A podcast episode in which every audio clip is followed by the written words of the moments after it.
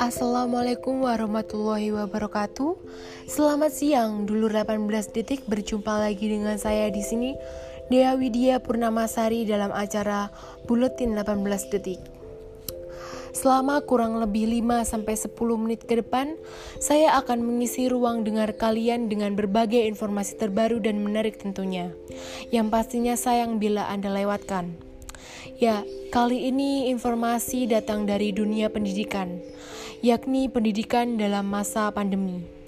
Pendidikan selama pandemi tentulah sangat membingungkan.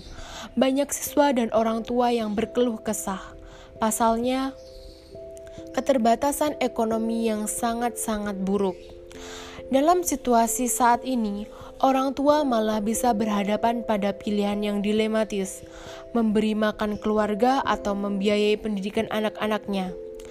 Ini sangat berpotensi membuat angka putus sekolah meningkat di Indonesia.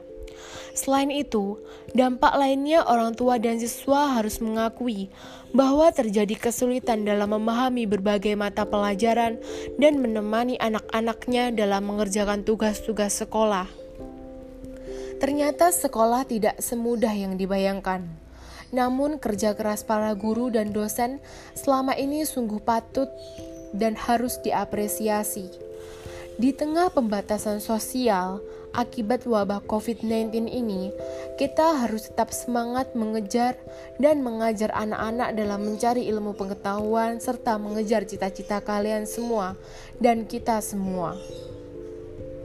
Serta dampak COVID bagi dunia pendidikan juga sangat-sangat berpengaruh.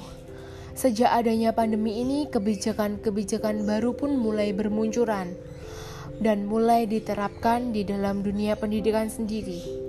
Seperti belajar di rumah contohnya. Dan apalagi sangat sulit jika itu terjadi di daerah terpencil atau pelosok. Para guru pun harus rela menjemput bola demi tercapainya pemerataan pendidikan di daerah terpencil. Penerapan kebijakan belajar mengajar dengan sistem daring mungkin tidak menjadi masalah jika itu terjadi di daerah perkotaan. Karena dukungan infrastruktur telekomunikasinya seperti koneksi internet yang baik dan lancar. Akan tetapi beda halnya dengan siswa dan guru yang berada di daerah terpencil atau pelosok yang sangat jauh dari akses internet dan kemudahan internetnya. Tidak semua siswa dapat menikmati akses internet. Keterbatasan piranti seperti telepon genggam atau akses internet yang semulus di perkotaan menjadi kendala saat ini. Di dalam dunia pendidikan pun pada masa pandemi ini sering mengalami ketidakseimbangan. Hal tersebut dipengaruhi oleh ketidaksiapan dunia pendidikan dalam menghadapi kondisi belajar yang menggunakan sistem daring ini. Salah satu faktor yang mempengaruhi ketidaksiapan tersebut adalah media yang digunakan.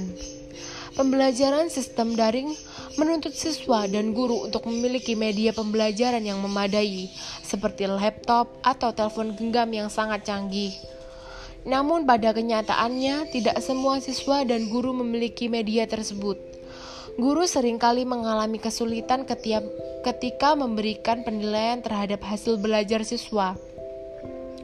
Selain itu, siswa juga menjadi cenderung pasrah dengan hasil yang dicapai dalam proses belajarnya. Hal inilah yang perlu disoroti oleh pemerintah guna mempersiapkan sektor pendidikan dalam menghadapi masa pandemi ini. Lebih khususnya dalam era baru atau situasi baru yang disebut dengan new normal. Jadi, banyak masalah-masalah yang terjadi di uh, era pendidikan saat ini, di dunia pendidikan saat ini. Jadi, kita semua harus tetap bersemangat, tetap melakukan protokol kesehatan, dan tetap mematuhi aturan pemerintah. Nah, itulah informasi yang bisa saya sampaikan. Dulu 18 detik Informasi tadi telah mengantarkan kita pada pukul 11.47 waktu Indonesia Barat, yang berarti kita sudah sampai di penghujung acara. dan informasi yang saya sampaikan pada siang hari ini. Tapi jangan khawatir, karena setelah ini akan hadir program-program dan podcast-podcast selanjutnya yang tidak kalah menarik dan tentunya akan mengisi ruang dengar Anda dengan hingga sore nanti dan malam nanti. Dulu 18 detik, saya mohon pamit undur diri dari ruang dengar Anda kalian semuanya. Wassalamualaikum warahmatullahi wabarakatuh. Selamat beraktivitas dan sampai jumpa kembali.